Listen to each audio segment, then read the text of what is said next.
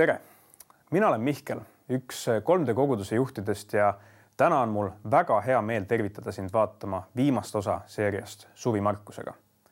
oleme ligi kaks kuud uurinud Markuse evangeeliumi erineva nurga alt ning äh, eelmine kord rääkis Marleen Markuse kolmteist kuni neliteist peatüki põhjal teemal kurva lõpuga lugu. kui sa ei ole seda või ka eelmisi käesoleva seeria osasid vaadanud, julgustan sind seda tegema. kui sinu jaoks on see tänane video üldse esimene kokkupuude 3D koguduse või Kristusega laiemalt, siis tere tulemast. 3D koguduses on meil kombeks öelda, tule nagu oled. samamoodi oled ka sina oodatud seda videot kuulama ja kaasa mõtlema. veelgi enam, sa oled oodatud meie kogukondade keskele arutlema antud teemadel. ava peale selle video vaatamist meie koduleht 3dkogudus.ee, kust leiad kogukonna juhtide kontaktid. võta meiega ühendust võtame sind vastu just sellisena, nagu sa oled. Lähme aga tänase teema juurde. suvi Markusega viimase osa teemaks on otsite risti löödud Jeesust ja seda Markuse viisteist kuni kuusteist peatüki põhjal. eelmisel korral jäi suvi Markusega seeria pooleli just kohas, kus Jeesus oli kinni võetud ning Peetrus oli Jeesust kolm korda salanud. lugedes edasi, siis Markuse viisteist kuni kuusteist peatükid võtavad hästi kokku kogu inimkonna suurima ja olu oluliseima sündmuse, Jeesuse ristisurma ja ülestõusmise. Need on sündmused, mis on meie usu vundamendiks ning millest me lähtume igapäevaelus. Jeesuse ristisurm ja ülestõusmine on muutnud miljardite inimeste elusid, sealhulgas ka minu elu. kuigi siin täna on vähe aega, et jagada kõike, mis Jeesus minu elus teinud on, siis kokkuvõtvalt saan öelda, ta on mind täielikult muutnud kui varem orjasin narkootikume, siis nüüd teenin ma Jumalat. kui varem tundsin ennast üksikuna, siis nüüd olen ümbritsetud paljude lähedaste inimestega. kui varem polnud mul usku iseendasse, siis nüüd tunnen, et koos Jumalaga on kõik võimalik. Need on vaid mõned näited sellest, mis Jumal minu elus muutnud on. tean, et sama on ta teinud veel paljude eludes ja sama võib ta teha ka sinu elus Lähme nüüd üheskoos tänase kirjakoha juurde, täpsemalt Markuse kuueteistkümnenda peatüki algusesse. kui sul on piibel käepärast kõrval, võid korra video pausi peale panna, peatüki välja otsida ja siis edasi vaadata ja jälgida. on Jeesuse ristilöömise järgselt kolmanda päeva hommik, päev pärast hingamispäeva. naised, kes olid koos Jeesusega käinud, tulid varahommikul Jeesust võidma. Nad tulid otsima risti löödud Jeesust et nad said suure üllatuse osaliseks. haud, kuhu Jeesus oli maetud, oli tühi. hauas oli üks valges kuues ingel, kes ütles, et Jeesus on üles äratatud, teda pole seal hauas. milline üllatus! naised, kes läksid otsima Jeesuse füüsilist ihu, leidsid tühja haua. esialgu mõjus see neile nii hirmutavalt, et nad jooksid hauakambrist välja ja põgenesid. ent hiljem ilmus Jeesus neile ja nad said kinnitust sündinust Nad said aru, et nende päästja on üles tõusnud surnuist, elab endiselt ja tegutseb endiselt inimeste eludes. ma arvan, et enam paremat üllatust ei oleks nad võinud saada. Need naised olid esimesed inimesed, kes peale Jeesuse ristilöömist teda otsima läksid. kuna nad nägid Jeesuse ristilöömist, siis inimlikult eeldasid nad ka seda, et Jeesuse ihu on hauakambris. ent nad said üllatuse. ma usun, et samamoodi on ka tänapäeval kes iganes otsib Jeesust, leiab tema. mitte alati sellisel viisil, nagu meie ootame. naised läksid Jeesuse surnud ihu otsima, kuid ei leidnud seda, vaid leidsid midagi enamat, leidsid kokkuvõttes üles tõusnud Jeesuse. samuti võime meie enda elus otsida Jeesust teatud eh, inimlike ootustega. otsime võib-olla Jeesust, kes meie probleemidele lahendust aitaks leida, kes annaks meile materiaalset kindlust kes aitaks meil jõuda meie enda eesmärkideni. meil võivad olla erinevad ootused Jeesusele, kui me tema mõju veel kogenud pole. Jeesus annab meile midagi enamat, kui ma just mainisin. kui eelpool mainitut on võimalik äh, ka inimlikult saavutada, siis Jeesus annab meile midagi, mida keegi teine pakkuda ei saa. tema pakub meile päästet, päästet patupalgast ehk surmast. meie asi on vaid otsida teda, otsida teda ja olla valmis üllatusteks, positiivseteks üllatusteks. mina otsisin Jeesust, et äh, vabaneda narkosõltuvusest. narkosõltuvusest on teoorias võimalik äh, vabaneda ka inimlikul pinnal. on vaja vaid suurt tahtejõudu. kuid Jeesus mitte ei aidanud mul ainult narkosõltuvusest vabaneda, vaid muutis tervet minu elu. ja teeb seda siiamaani. ta üllatab mind siiamaani iga kord, kui teda otsin. usun, et ta võib üllatada ka sind, kui Jeesust otsid ning seeläbi võid leida palju enamat kui ilma temata. minnes tagasi tänase kirjakoha juurde, siis äh, me leiame veel ühe grupi inimesi, kes otsisid risti löödud Jeesust, ent pisut teise nurga alt just risti löödud Jeesuse otsingud kulmineerusid Markuse viieteistkümnendas peatükis, kus ülempreestrid ja variserid olid pikalt otsinud võimalust Jeesuse hukkamiseks ning olid selle lõpuks leidnud. Markuse kolm kuus võisime lugeda esimest korda sellest, kuidas variserid langetasid koos Herodese meestega Jeesuse kohta otsuse, et ta tuleb hukata. sellest ajast saati otsiti võimalust Jeesuse hukkamiseks ja ma usun, et siin on oluline küsida kaks küsimust. miks ja kuidas nad seda tegid? esiteks, miks otsisid variserid võimalust Jeesuse hukkamiseks? Jeesus tuli looma täiesti uut kultuuri. Variserid ootasid messiat, kelleks oli tegelikult Jeesus. ent neil oli tõenäoliselt pisut teistsugune ettekujutus messiast ja seetõttu nad teda ära ei tundnud. variseride silmad olid nii pimestatud sellest, mida nad tahtsid messia juures leida seetõttu ei suutnud nad näha teda sellena, kes ta tõeliselt oli. ent miks tekitas Jeesus neis selliseid tundeid, et nad tahtsid teda hukata? variserid ja kirjatundjad olid küllaltki enesekesksed. Nad olid saavutanud ühiskonnas mingi autoriteedi ja võimu. Nad olid nii-öelda eristaatusega. Nad olid ühiskonnas eeskujuks läbi selle, et nad väliselt pidasid kinni kogu Vana Testamendi seadustest, ent seda ainult väliselt. sisemiselt olid nad täis uhkust ja isekust. Jeesus ei toonud nendele mugavat sõnumit. Mattuse kahekümne kolmas peatükk võtab hästi kokku, mis sõnumi Jeesus variseridele tõi. Jeesus ütles, et variserid olid kahepalgelised. Nad rääkisid üht, ent ei toiminud selle järgi. Nad tegid kõiki tegusid selleks, et inimesed neid vaataksid. Jeesus ütles, et kes ennast ise ülendab, seda alandatakse ja kes iseennast alandab, seda ülendatakse. Jeesus andis mõista, et oluline on see, et me oleksime sisemiselt puhtad.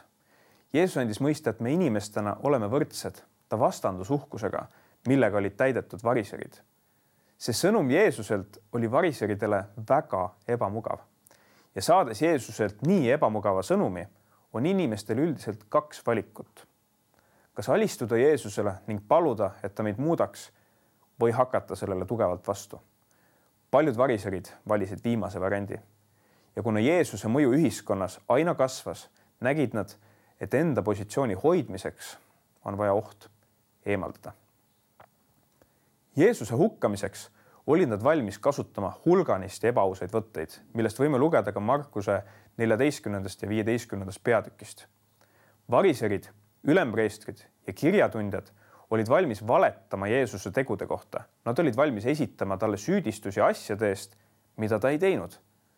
kui Pilatus pidi vabastama ühe vangi pühade puhul, äsitasid ülempreestrid rahvast nõudma mõrvari vabastamist ja süütu Jeesuse ristilöömist.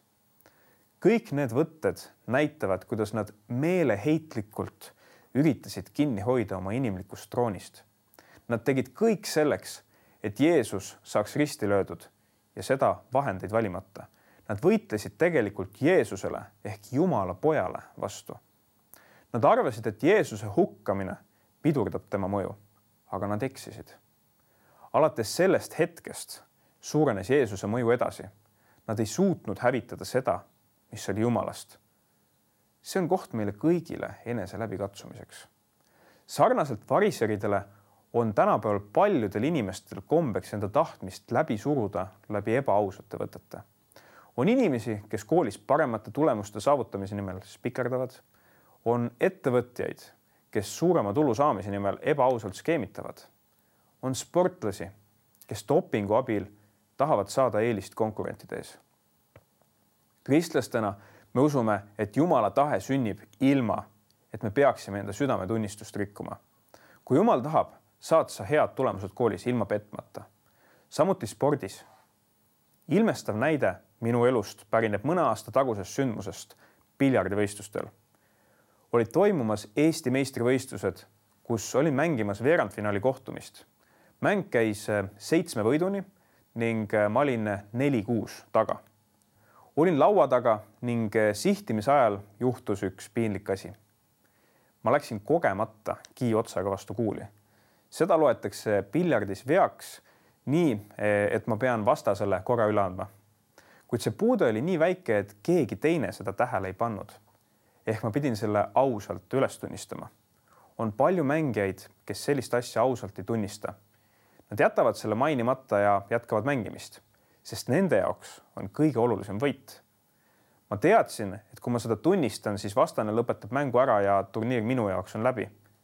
ent kuna turniiri võitmisest olulisem on minu jaoks puhas südametunnistus Jumala ees, siis ma tunnistasin viga vastase ees.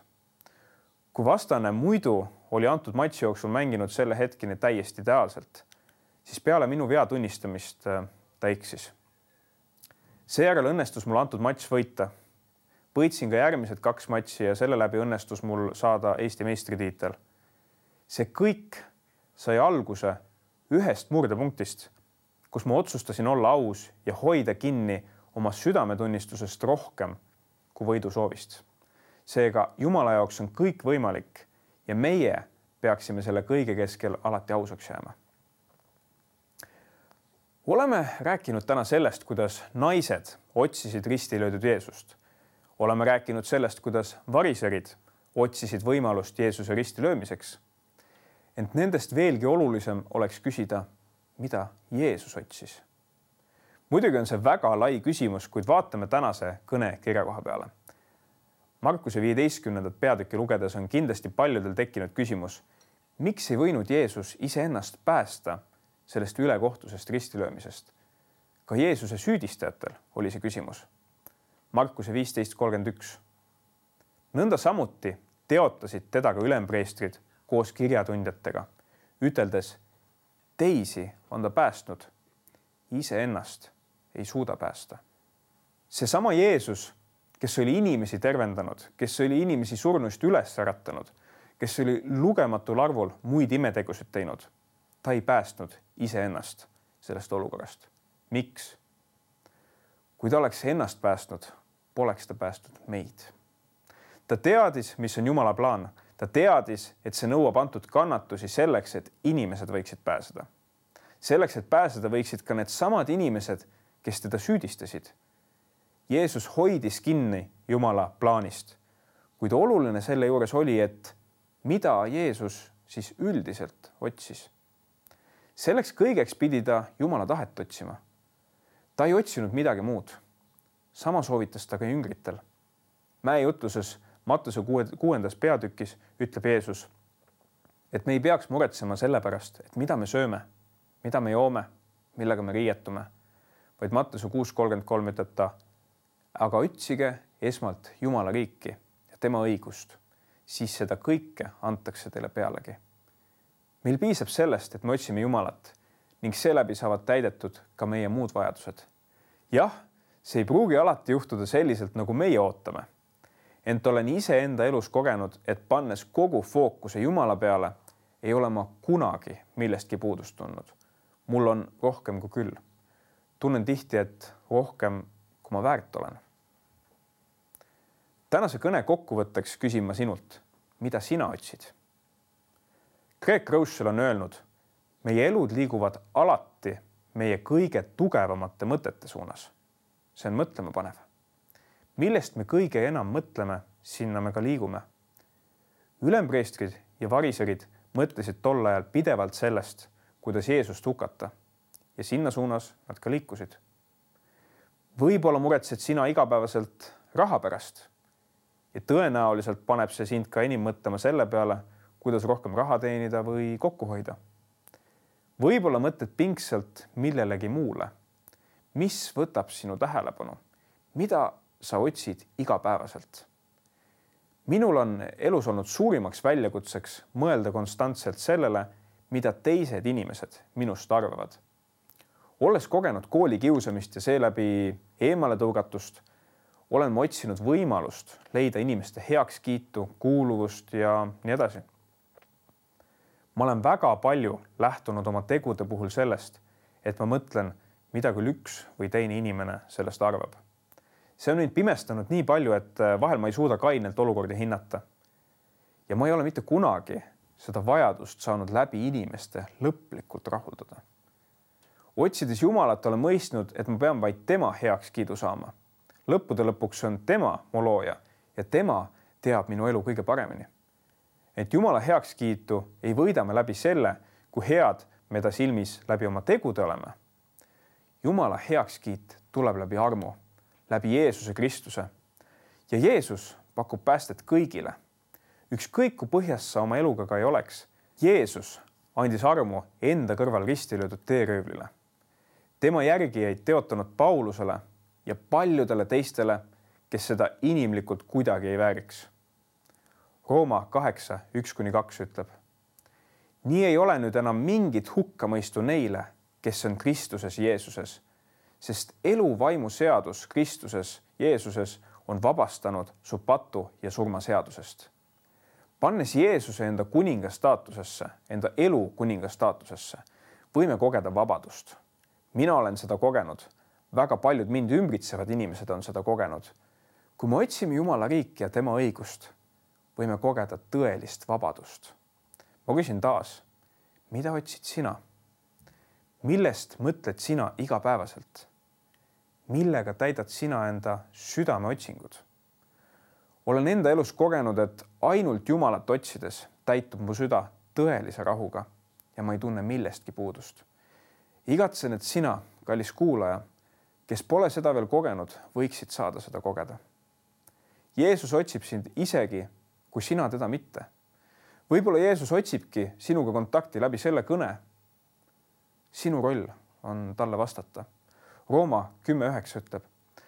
kui sa oma suuga tunnistad, et Jeesus on issand ja oma südames usud, et Jumal on ta üles äratunud surnuist, siis sind päästetakse. meie asi on uskuda ja tunnistada. uskuda saame me ka üksi, ent tunnistada saame ainult inimeste ees. Seega, kui sa ei ole täna 3D koguduse keskel käinud või oled kogudusest eemale jäänud, tule meie sekka.